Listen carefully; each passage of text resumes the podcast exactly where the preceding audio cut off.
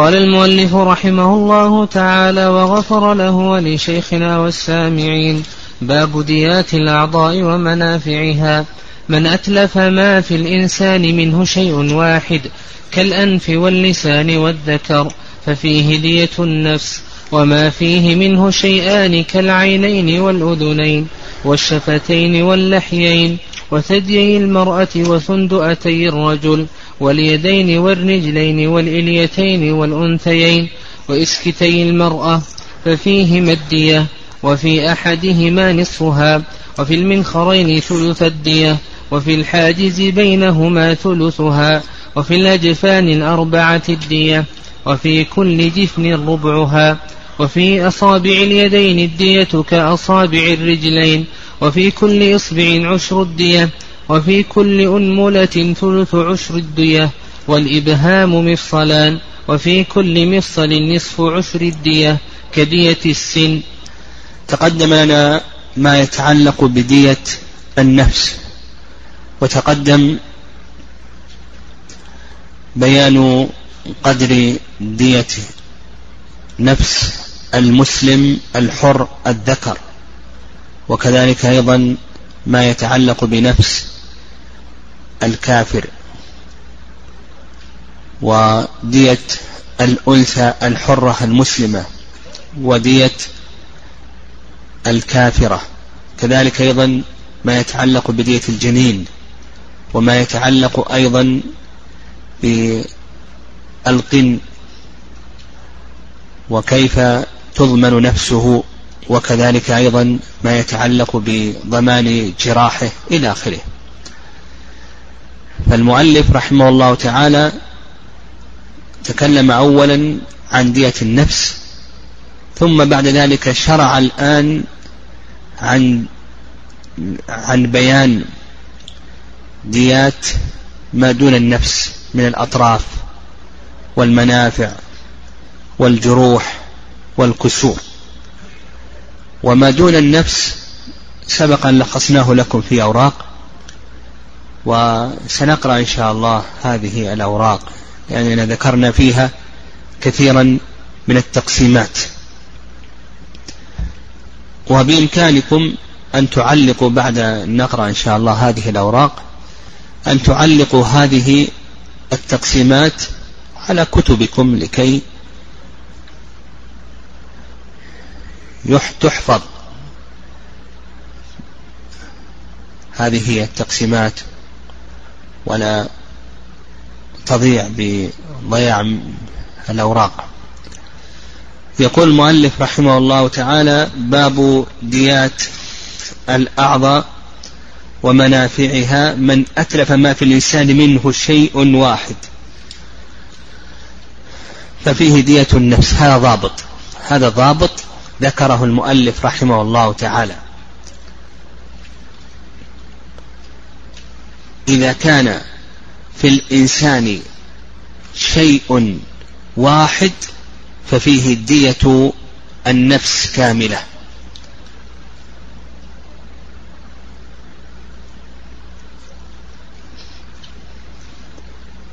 ودليل ذلك حديث عمرو بن حزم.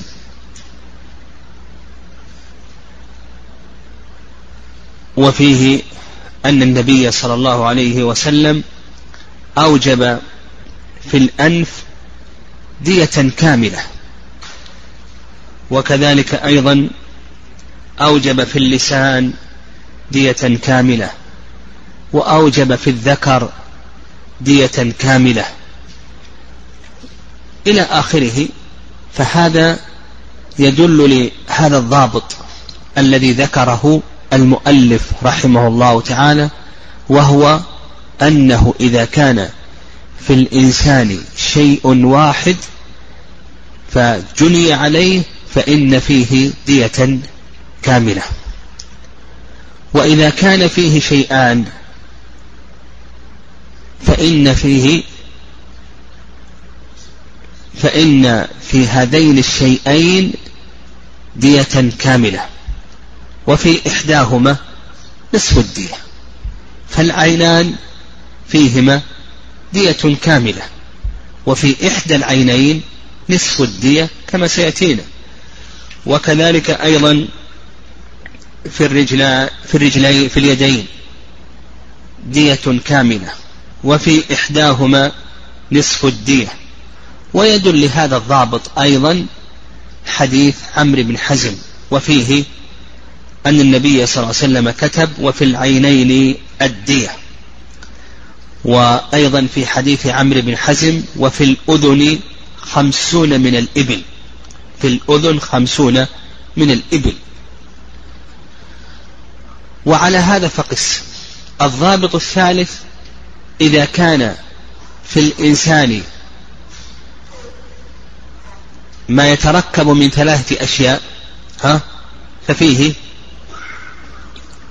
في الجناية عليه دية وفي الجناية على أحدها ثلث الدية وهذا كالأنف. الأنف فيه الدية وفي أحد من خيرين ثلث الدية وفي الحاجز بينهما ثلث الدية كما سيأتينا.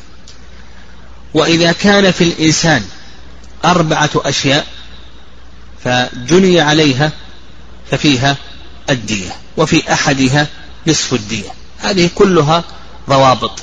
نعم هذه ضوابط. وإذا كان في الإنسان عشرة أشياء كالأصابع ففيها الدية وفي أحدها عشر الدية وهكذا. نعم. اقرأ علينا من باب دية الأعضاء في الأوراق. لو قال لك المؤلف من أتلف ما في الأن ما في الإنسان منه. نعم قال لك من أتلف ما في الإنسان منه شيء واحد كالأنف.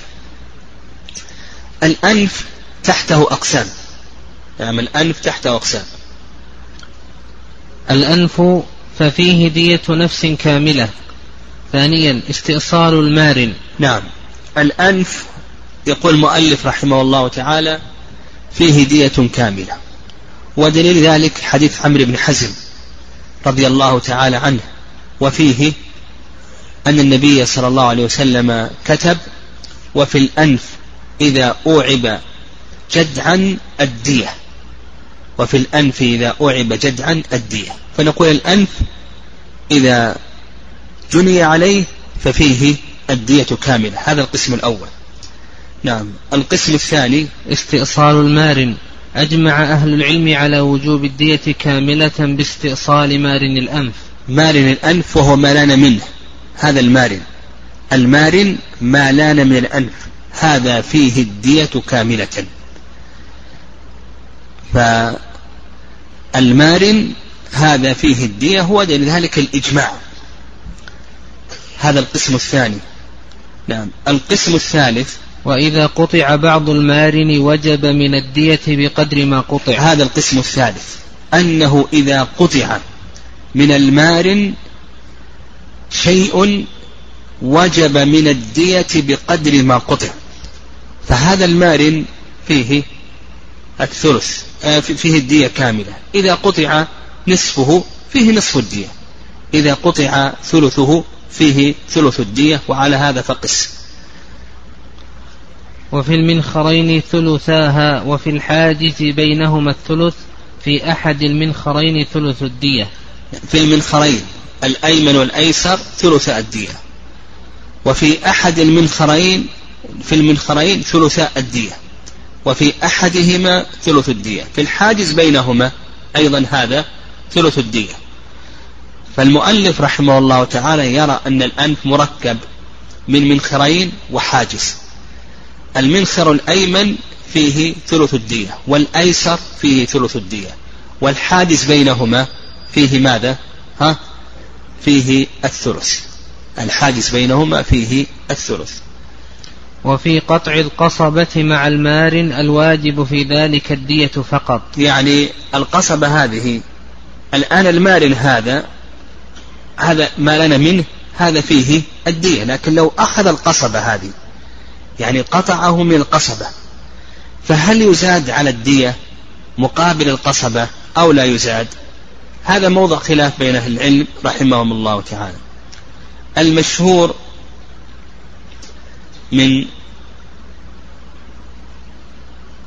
مذهب أبي حنيفة ومالك أنه يعني قول أكثر أهل العلم قول أكثر أهل العلم أن الأنف فيه دية. ولا يزاد شيء للقصبة.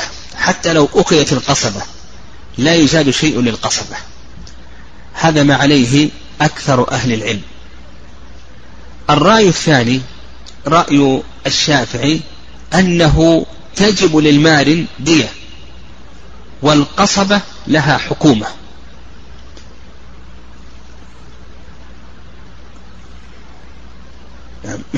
تجب للمال دية والقصبة لها نعم لها حكومة. نعم. إذا أذهب الشم مع قطع الأنف تجب ديتان لأن الشم في غير الأنف. هذا القسم الخ... القسم السادس. إذا قطع الأنف وذهب الشم تجب ديتان. دية للعضو ودية للمنفعة. لماذا؟ لأن المنفعة خارج العضو. عندنا عضوان.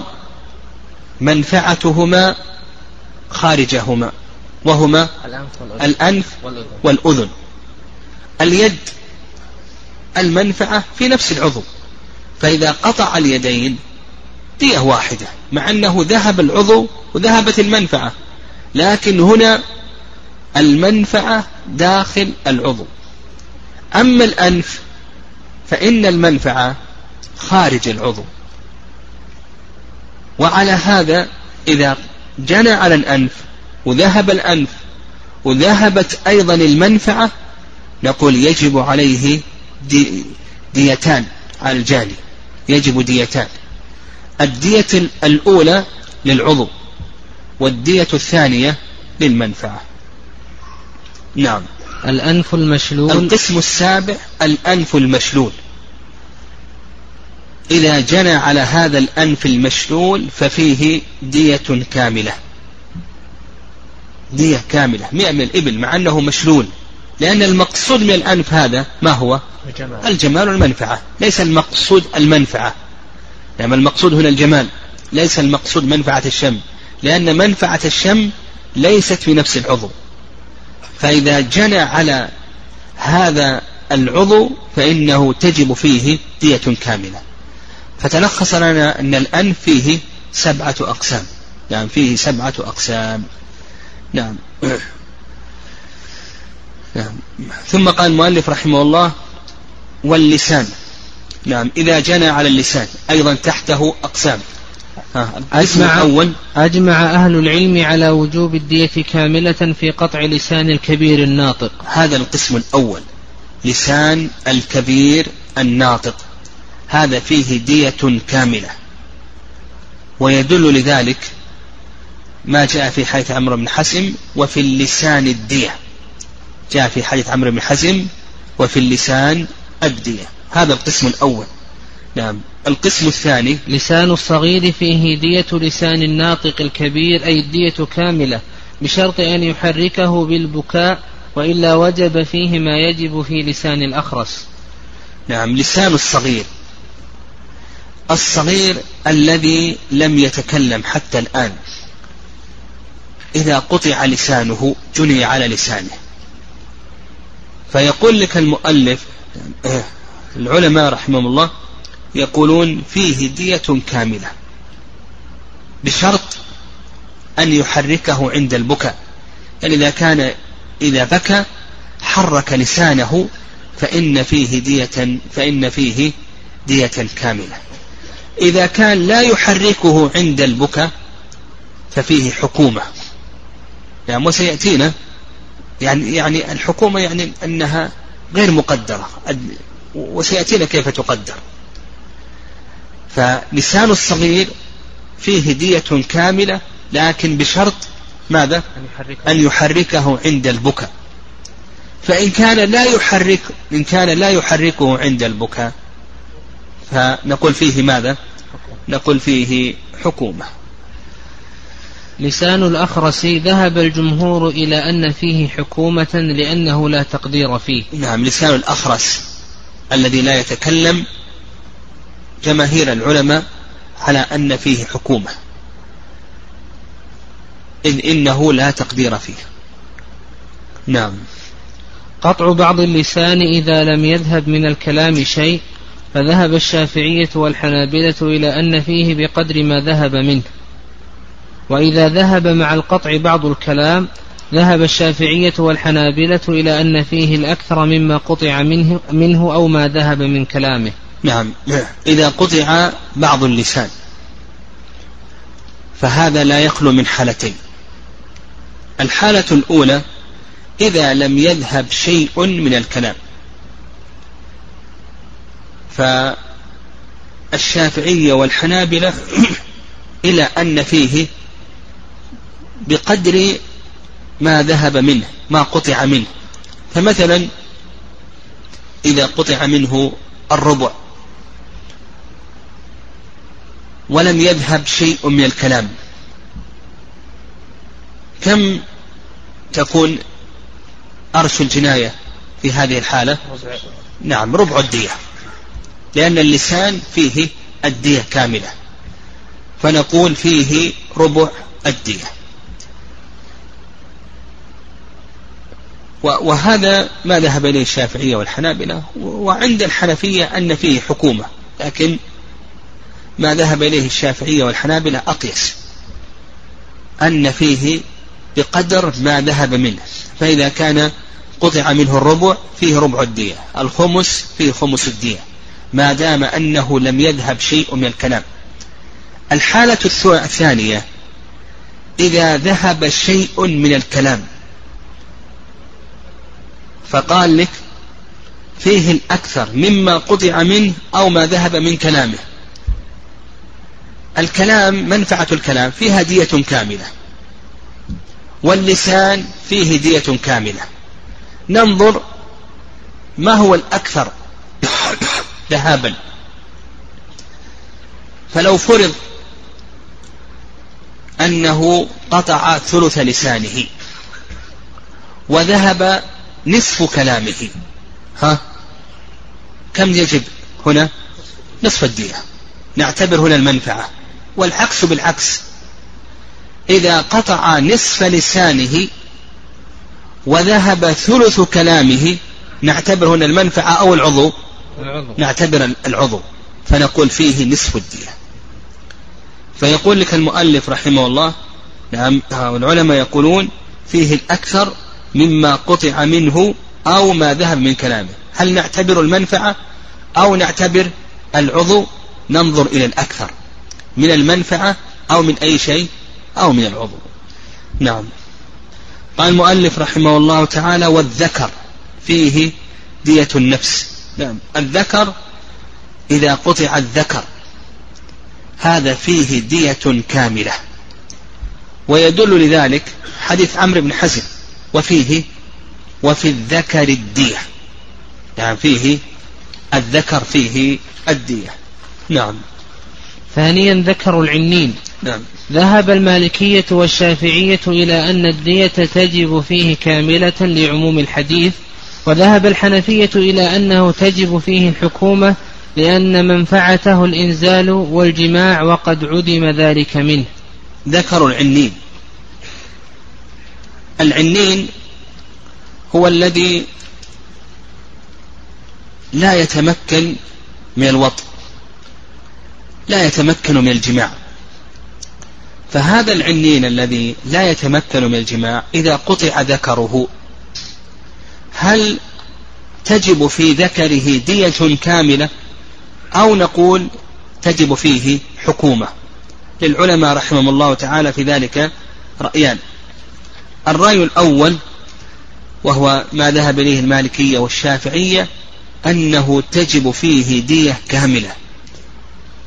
ودليل ذلك ما تقدم من حديث عمرو بن حزم.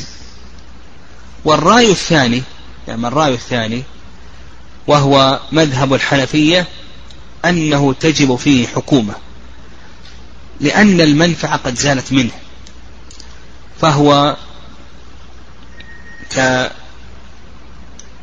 كالذكر نعم.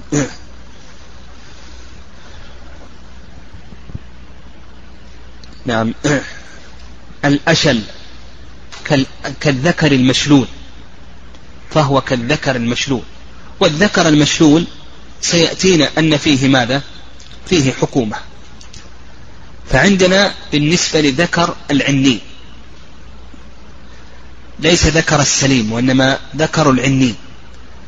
فيه رأيان الرأي الأول أن فيه الدية كاملة والرأي الثاني أنه ليس فيه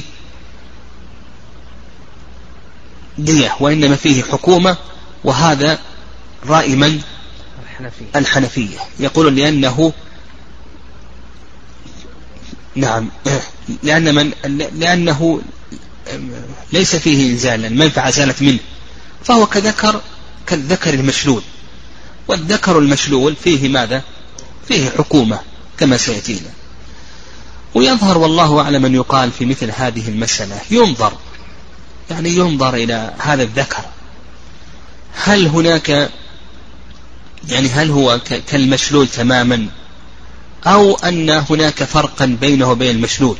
يعني كونه لا يجامع لا يلزم من ذلك نعم كونه لا يجامع لا يلزم من ذلك أن يكون كالمشلول تماما.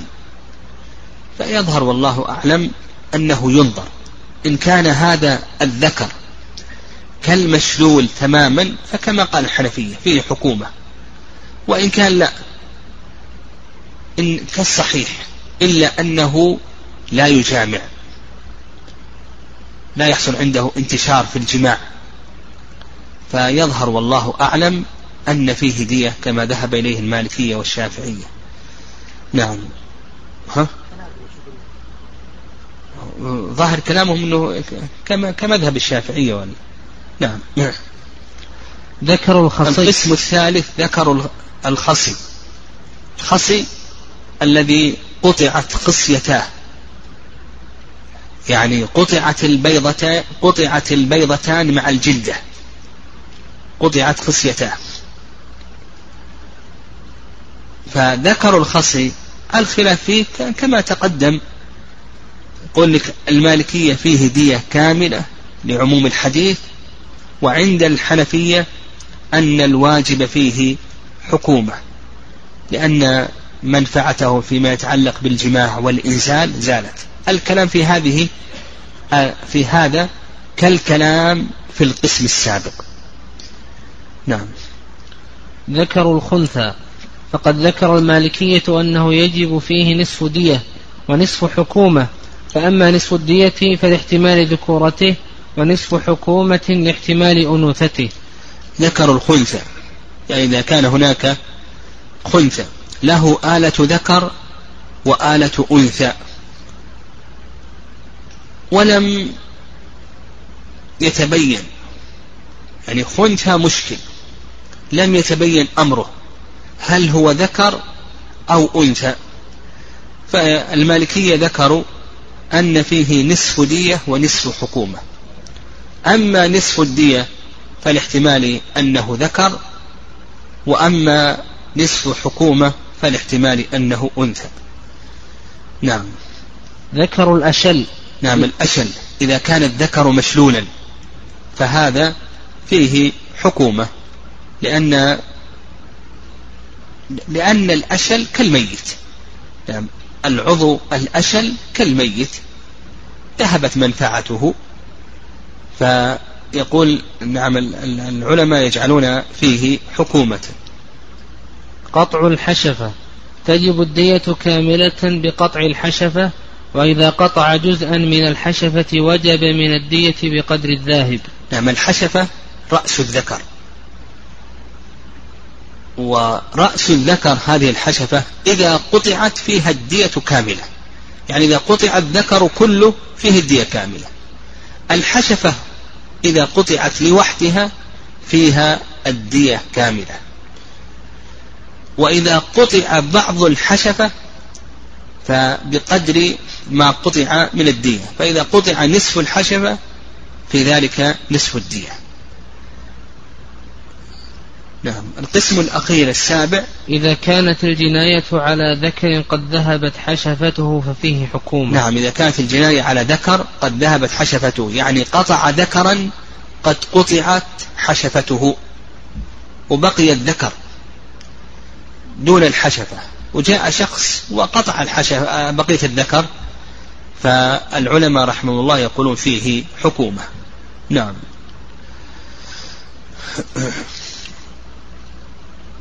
نعم. ثم قال المؤلف رحمه الله تعالى وما وما فيه منه شيئان كالعينين والأذنين والشفتين واللحيين وثدي المرأة وثندوة الرجل واليدين والرجلين والإليتين والأنثيين وإسقفي المرأة ففيه أد فيهما الدية ففيهما الدية وفي أحدهما نصفها. نعم. ودليل ذلك ما تقدم من حديث عمرو بن حزم أن النبي صلى الله عليه وسلم كتب وفي العينين الدية. نعم. العينان تحتهما أقسام. الأول أجمع أهل العلم على أن في العينين إذا أصيبتا خطأ الدية وفي العين الواحدة نصفها. هذا القسم الأول. إذا فقع العينين جميعا فيهما الدية. وفي إحدى العينين نصف الدية. ودليل ذلك ما تقدم من حديث عمرو بن حزم رضي الله تعالى عنهما رضي الله تعالى عنه وفي العينين الدية.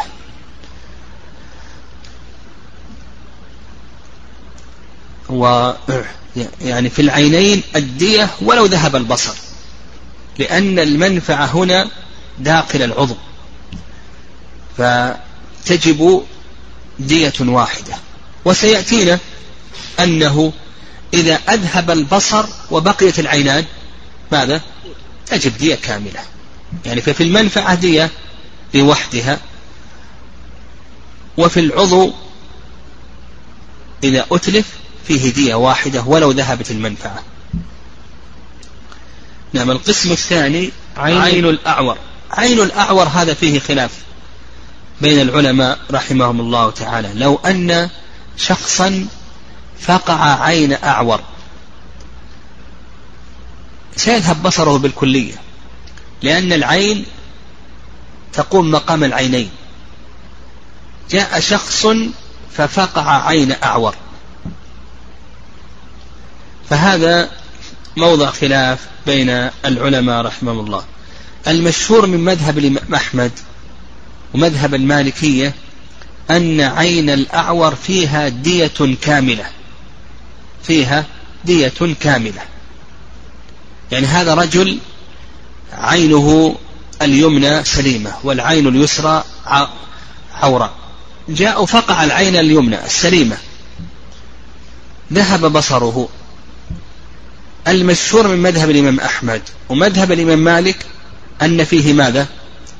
أن فيه دية كاملة. لأنه الآن أذهب البصر كله. أذهب المنفعة كلها. وهذا وارد عن الصحابة رضي الله تعالى عنهم. الرأي الثاني رأي الشافعي ورأي أبي حنيفة والشافعي أن عين الأعور كسائر أعين الناس. فيها ماذا؟ نصف, نصف الدية. لا فرق. نعم فيها نصف الدية. لأن النبي صلى الله عليه وسلم قال وفي العينين الدية. مفهوم الحديث أن العين الواحدة فيها نصف الدية.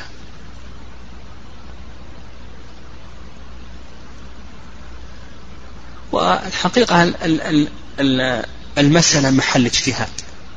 يعني ما ذكره الحنابلة والمالكية أن فيها الدية كاملة لأنه أذهب الآن المنفعة كلها هذا له وجه وله قوة خصوصا أنه وارد عن الصحابة رضي الله تعالى عنهم. وما ذكره الحنفية والشافعية أن فيها نصف الدية كسائر آه، أعين الناس وهو ظاهر الحديث مفهوم الحديث هذا أيضا له وجه. فكلا القولين له قوة فيرجع في ذلك إلى اجتهاد القاضي. نعم. القسم الثالث. الأذنان. لا قبل. إذا كان الجاني أعور. نعم. إذا كان الجاني أعور إذا كانت الجناية خطأ فلا خلاف بين أهل العلم في أن الذي يجب بهذه الجناية نصف الدية. طيب هذه المسألة عكس المسألة السابقة. المسألة السابقة جني على عين الأعور. السليمة. لكن هذه المسألة الأعور جنى على عين على عين مقابلة لعينه السليمة. جنى على عين شخص مقابلة لعينه السليمة. هذا رجل أعور. عينه اليمنى سليمة وعينه اليسرى عورة. فقع عين شخص اليمنى. هل نقتص من الأعور ولا ما نقتص؟ ها؟ إن قلنا بالقصاص ماذا؟ ذهب بصره. ذهب بصره بالكلية. وإن قلنا بعدم القصاص هل نلزمه دية كاملة أو نلزمه نصف الدية لكونه جنى على عين؟ واضح؟ هذه المسألة موضع خلاف. قبل ذلك هذه المسألة تخلو من من قسمين. القسم الأول أن تكون جنايته خطأ. فهنا لا يلزم الأعور إلا بأي شيء؟ إلا بنصف الدية. كغيره. فهذا رجل أعور عينه اليمنى سليمة جنى على عين العين اليمنى من شخص. نقول لا نقتص منه لأنه خطأ. ويلزم بنصف الدية. طيب القسم الثاني أن تكون جنايته عمدا. أن تكون جنايته عمدا. فقع هذه العين اليمنى السليمة آه، هذه العين اليمنى المقابلة لعينه السليمة. فهل نقتص منه أو نقتص منه المشهور مذهب أنه لا قصاص. لماذا لا قصاص؟ لأن لو قلنا بالقصاص لازم من ذلك ذهاب المنفعة بالكلية. هذا المشهور مذهب الإمام أحمد. ويلزم بأي شيء؟ يلزم بدية كاملة. لا قصاص يسقط القصاص مع أنه عمد. ويلزم هذا الأعور بدية كاملة. الرأي الثاني أن ما ذهب إليه الإمام مالك رحمه الله تعالى أن المجني عليه إن شاء اقتص وفقع عين هذا الأعور وإن شاء أخذ دية كاملة هذا مذهب الإمام مالك رحمه الله تعالى والرأي الثالث رأي أبي حنيفة والشافعي إن شاء اقتص وليس وإلا فله ماذا؟ له نصف الدية والذي يظهر والله أعلم أما من جهة القصاص فالذي يظهر والله أعلم ما دام أنه متعمد فليس لعرق ظالم حق. ما دام أنه تعمد الجناية فيقتص منه حتى لو ذهب بصره. فما ذهب إليه الحنابلة من إسقاط القصاص هذا ضعيف. ولهذا الجمهور يثبتون القصاص. المالكية والحنابلة والحنفية والشافعية يثبتون القصاص. فالصواب أن هذا الأعور إذا جنى على شخص وأخذ عينه المقابلة لعينه السليمة أنه يقتص منه للعمومات. كتاب الله القصاص. لكن إذا لم يرد القصاص المجني عليه وأنه لو اقتص من هذا الشخص ذهب بصره بالكلية فهل له نصف الدية أو له الدية كاملة؟ المالكية والحنابلة يقولون له ماذا؟ الدية كاملة والشافعية والحنفية يقولون بأن له نصف الدية وهذا أقرب إلى ظاهر السنة. هذا أقرب إلى ظاهر السنة له نصف الدية. فالخلاصة في ذلك أن جناية الأعور كغيره.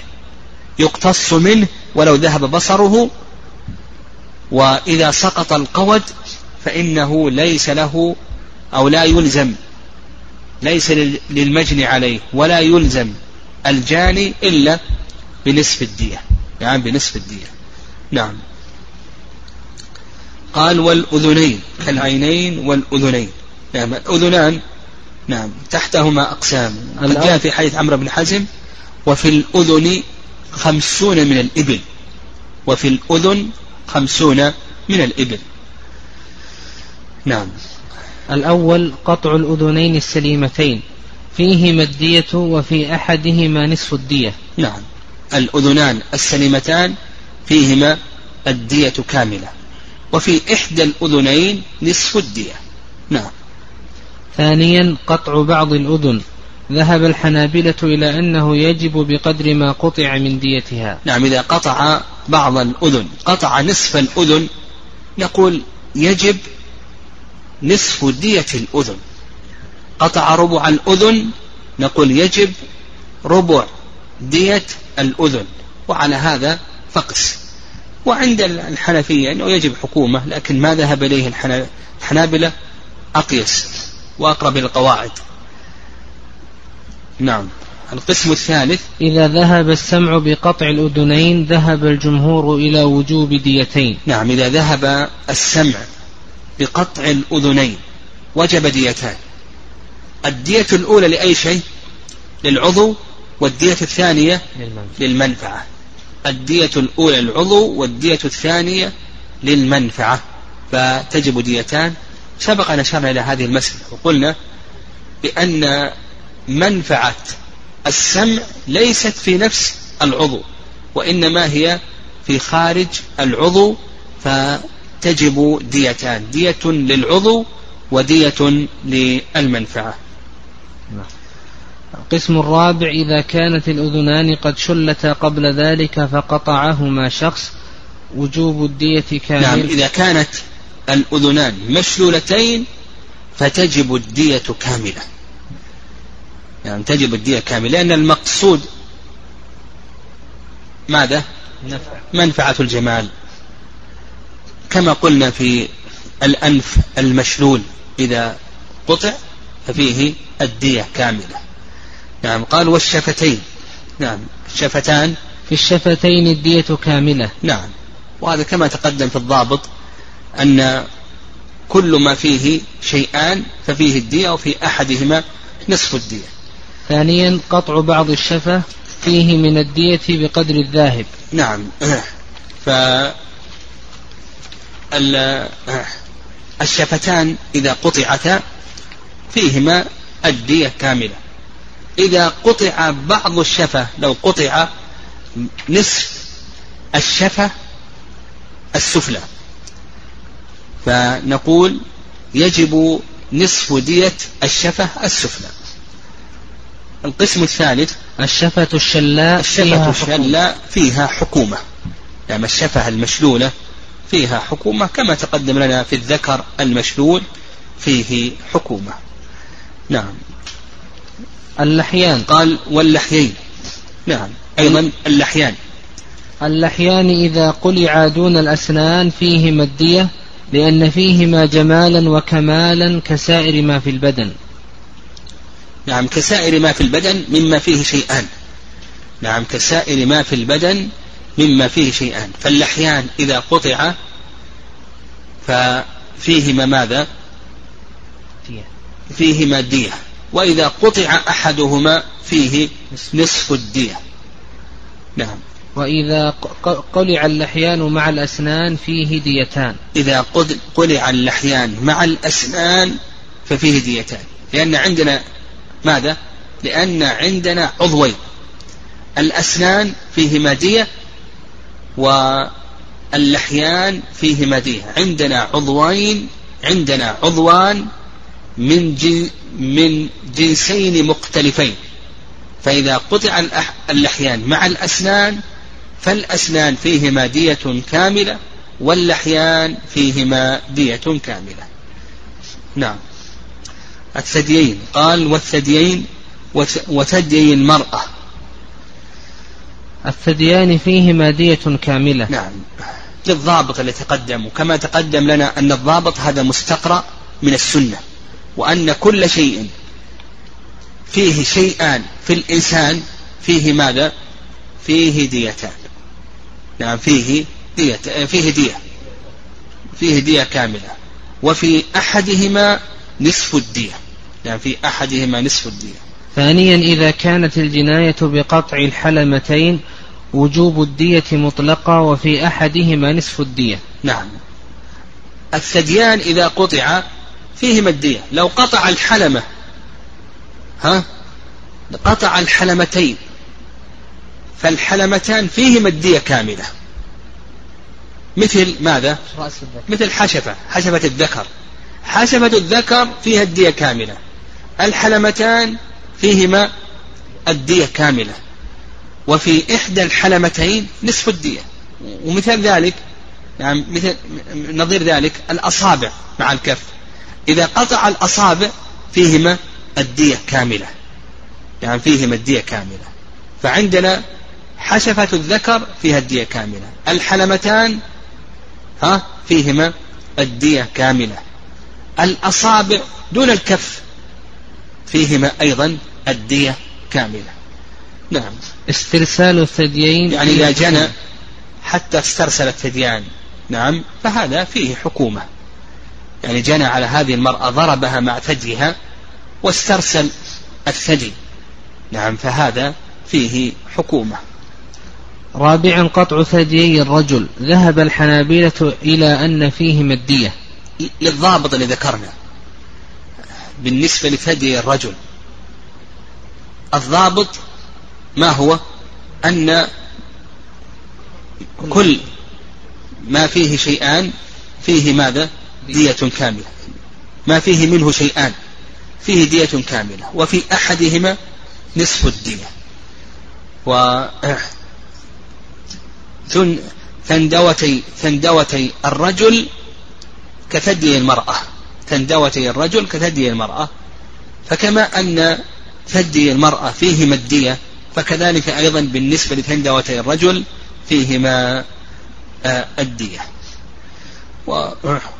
والجمهور أن فيهما حكومة لأن ثندوتي الرجل هذه ليس فيها منفعة وإنما هي جمال فقط. بخلاف ثدي المرأة ثدي المرأة فيه منفعة فلا يقاس هذا على هذا. وهذا يعني كلا القولين قوي. يعني ما ذهب إليه الحنابلة هذا أقرب إلى الأصول والقواعد وأن كل شيء منه فيه شيئان ها ففيه دية وفي أحد من نصف الدية. وأيضا ما ذكر الجمهور أن أن أن ثندوتي الرجل هذه ليس فيها منفعة وإنما هي مجرد جمال إلى آخره. فأيضا هذا له قوة. لكن يظهر والله أعلم أن ما ذهب إليه الحنابل أقرب لأنه آه، أقيس ومنطبق على الأصول والقواعد. ذكرنا الضابط أن ما فيه منه شيئان أنه أن فيه دية وفي أحدهما نصف الدية. نعم. اليدان.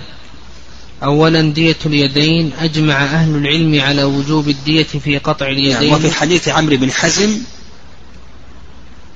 رضي الله تعالى عنه وفي اليد خمسون من الإبل. نعم وفي اليد خمسون من الإبل. في حديث عمرو بن حزم وفي اليد خمسون من الإبل. نعم. ثانيا إذا كان القطع من فوق الكوع فلا يجب إلا دية فقط على الأقرب. نعم. إذا كان القطع من فوق الكوع. يعني اليد فيها دية كاملة سواء قطعها من المفصل هنا هنا أو قطعها من المرفق أو قطعها من الكتف. هذه كلها فيها دية كاملة. هذا المشهور من مذهب الإمام أحمد رحمه الله تعالى. والرأي الثاني نعم الرأي الثاني مذهب الشافعية والحنفية أن الكف فيه الدية وما زاد فيه حكومة. وش نظير هذا؟ تكلمنا عليه. الأنف أحسنت. الأنف تقدم لنا أن المارن هذا فيه دية. والقصبة هذه من قال بأن فيه حكومة؟ الشافعية. الشافعية يقولون القصبة لو أخذ القصبة مع المارن هذا فيه دية وحكومة. هم أيضا يقولون هنا. يقولون هنا أيضا إذا أخذ الكف وزاد على ذلك أخذ مع الكف الذراع أو نصف الذراع. يجب للكف ماذا؟ دية كاملة. وما زاد؟ يعني دية يد كاملة. وما زاد؟ يجب فيه ماذا؟ يجب فيه حكومة. يعني وما زاد؟ يجب فيه حكومة. نعم. يجب في قطع يد الأقطع نصف الدية كغيره. نعم. إذا كان هناك شخص يده اليمنى مقطوعة جاء شخص وقطع يده اليسرى أصبح ماذا الآن؟ أقطعا. هل نلحق هذا الأقطع بالأعور؟ لأنه كما تقدم لنا لو جاء شخص وفقع عين الأعور ها وش يقولون الحنابلة فيه دية كاملة هنا قالوا لا فرق. بين عين الأعور ويد الأقطع. وش الفرق بينهما؟ ها؟ آه نعم صح. أن اليد لا تقوم مقام اليدين. بخلاف العين فإنها تقوم مقام العينين. ولهذا قالوا في عين الأعور فيها ماذا؟ ماذا؟ دية كاملة. وأما يد الأقطع كغيرها من الأيدي فيها نصف الدية. والفرق كما تقدم أن عين الأعور تقوم مقام العينين في النظر. وأما يد الأقطع فإنها لا تقوم مقام اليدين في الحركة والبطش ونحو ذلك. نعم. ولها قال كغيره. نعم. رابعا قطع اليد الشلاء فيها الحكومة. فيها حكومة كما تقدم كالذكر الأشل ونحو ذلك. هذا فيه حكومة. خامسا يد الأعسم إذا كانت سليمة ففيها الدية كاملة. من هو الأعسم ها؟ نعم الذي يعمل بيده اليسرى. فهذا إذا قطعت يده اليمنى وإن كان لا يعمل إلا بيده اليسرى فنقول بأنه آه، تجب فيه آه، دية كاملة. دية اليد كاملة خمسون من الإبل. سادسا القسم السادس. إذا جنى على يده فعوجها أو نقص قوتها أو شانها فعليه حكومة نعم إذا جنى على هذه اليد فعوج اليد أصبح فيها اعوجاج أو شين أو نقصت قوتها فنقول فيها حكومة. فيها حكومة كما سيأتي نعم. الرجلان. أولا قطع الرجلين أجمع أهل العلم على أن في الرجلين الدية وفي من حديث عمرو بن حزم. وفيه وفي الرجل نصف الدية. نعم وفي الرجل نصف الدية. فإذا قطع الرجلين ها؟ إذا قطع الرجلين ففيهما ماذا؟ الدية. الدية كاملة. وإذا قطع إحدى الرجلين فيها نصف الدية. والكلام الذي تكلمنا عليه في اليد يعني لو أنه قطع فوق الكعب. يأتينا الكلام فيما لو قطع فوق الكف بالنسبة لليد. لو قطع فوق الكعب يعني قطعه من الركبة أو قطعه من الفخذ. ها؟ المذهب فيه نقول تجب دية الرجل كاملة. لكن هل لما زاد أرش أو نقول ليس له أرش. واضح؟ نعم. يأتي الخلاف السابق. يأتينا خلاف السابق. فالمشهور من المذهب لو قطعه من الركبة سواء قطعه من الكعب أو قطعه من الركبة ها فيه دية, دية فقط. نعم دية فقط. والرأي الثاني الشافعي والحنفية. أنه تجب حكومة لما زاد. يعني الرأي الثاني تجب حكومة لما زاد. ثانيا الرجل العرجاء تجب الدية كاملة. نعم الرجل العرجاء لأن المنفعة باقية. يعني كونه يعرج فيها ما دام أنه يمشي بها فنقول الرجل العرجة هذه تجب فيها دية كاملة. كيد الأعسم. نعم كيد الأعسم هذه تجب فيها دية كاملة. نعم القسم الثالث أيضا الرجل المشلولة. إذا كانت هذه الرجل مشلولة. فهذه فيها ماذا؟ الرجل المشلولة كما قلنا في اليد المشلولة حكومة.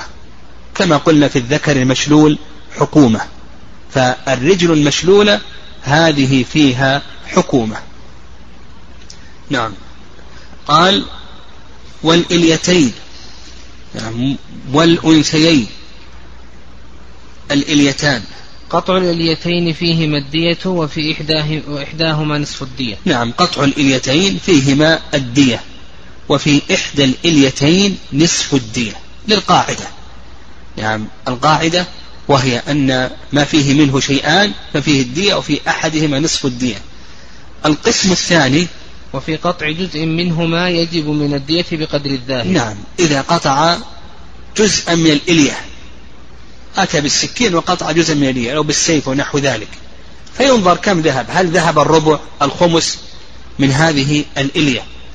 فإذا قطع ربع الإلية اليمنى نقول فيه ربع دية الإلية اليمنى وعلى هذا فقس.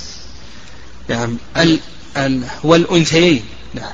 قطع الأنثيين فيها الدية في كل واحدة منهما نصف الدية. نعم. الأنثيان فيهما الدية.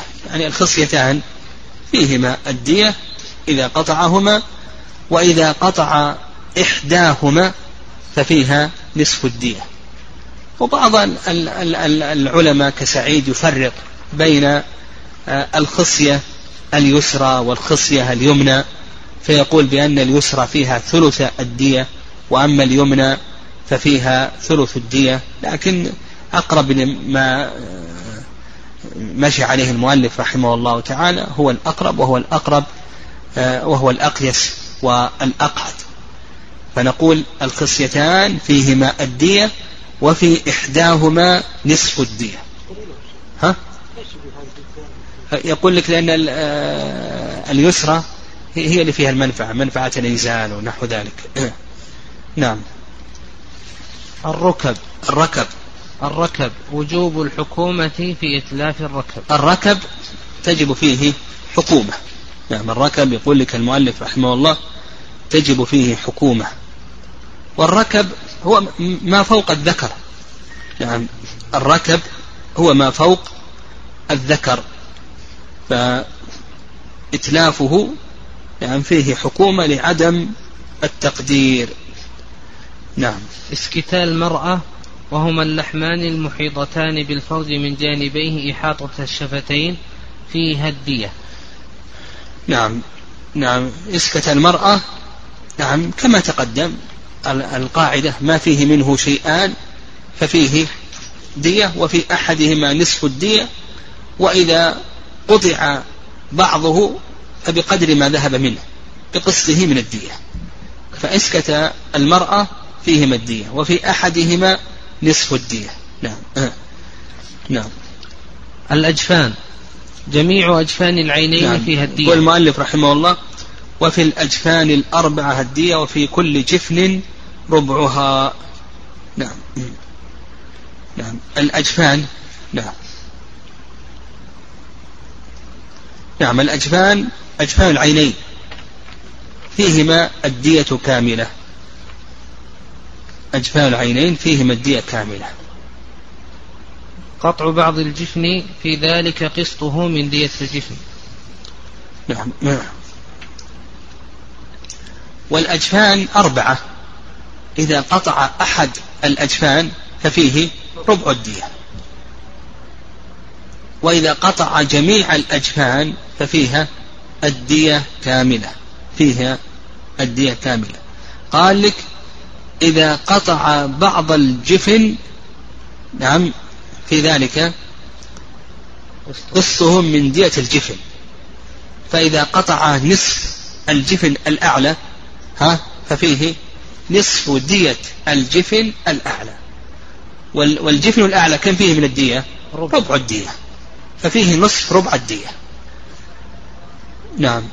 القسم الثالث قلع العينين بأجفانها. نعم. يجب هنا ديتان. نعم ديتان. إذا قلع العينين بأجفانها وجب ديتان. نعم وجب ديتان. لأنهما عضوان من جنسين مختلفين. نعم عضوان من جنسين مختلفين. ونقول آه، إذا قلع العينين ثم قلع الأجفان يجب ديتان. دية للأجفان ودية للعينين. نعم. وإذا قطع الأجفان بالأهداب ها؟ دية واحدة. مثل اليد مع الأصابع دية واحدة لأن هذه تابعة. الأهداب هذه تابعة للأجفان. فإذا قلع الأجفان وذهبت الأهداب ها؟ ففيها دية مع أن الأهداب كما سيأتينا ها؟ فيها دية فيها دية كما سيأتينا. لو قلع الأهداب وحدها هذه سيأتينا إن شاء الله حكمها. لكن لو قلع الأجفان وذهبت وذهب مع ذلك الأهداب فدية واحدة لأن الأجفان لأن الأهداب تزول بزوال الأجفان. ونظير ذلك إذا قطع اليد وذهبت الأصابع. دية واحدة. مع أنه لو قلع الأصابع قطع الأصابع فقط دون أن يقطع الكف ففيه دية كاملة. نعم دية كاملة. نعم. الأصابع. يجب في كل إصبع عشرة من الإبل. وإذا كان القطع من غير مفصل كما لو قطع بعض الأنملة ففيه بقسطه من دية الأنملة. نعم ودل ذلك حديث عمرو بن حزم في كل إصبع من أصابع اليد والرجل عشر من الإبل. في كل إصبع من أصابع اليد أو الرجل عشر من الإبل. ففي كل إصبع عشر من الإبل. طيب القسم الثاني قال لك كل أنملة ثلث عشر الدية. إلا الإبهام. ها؟ ففيه ماذا؟ نصف, نصف عشر الدية. الإصبع الواحد فيه ثلاث أنامل. فإذا قطع الأنملة الأولى فيها ثلث عشر الدية. الأنملة الثانية ثلث عشر الدية. الأنملة الثالثة قطع الإصبع بكامله تجب عشر من الإبل. الإبهام إذا قطع الإبهام الأنملة من الإبهام فيها نصف عشر الدية. إذا قلع الإبهام بكامله فيه الدية. فيه الدية دية الأصبع عشر من الإبل. طيب بعض الأنملة ها بقدره.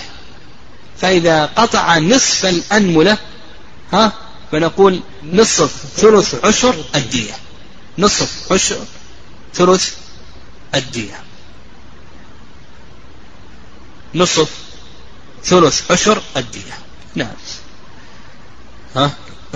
الإصبع الزائدة فيها الحكومة. نعم الإصبع الزائدة فيها حكومة.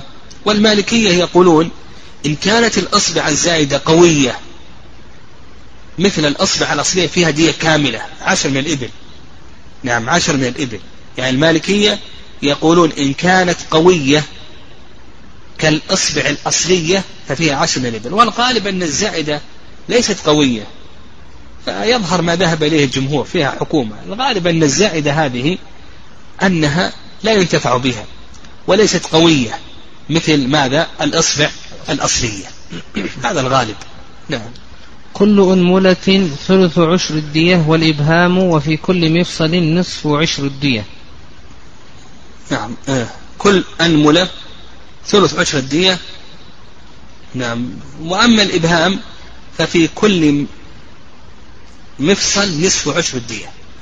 نعم الإبهام في كل مفصل نصف عشر الدية. نعم. قلع قلع الظفر أو تسويده فيه حكومة. نعم قلع الظفر أو تسويده فيه حكومة. نعم هذا نكمل إن شاء الله غدا بإذن الله.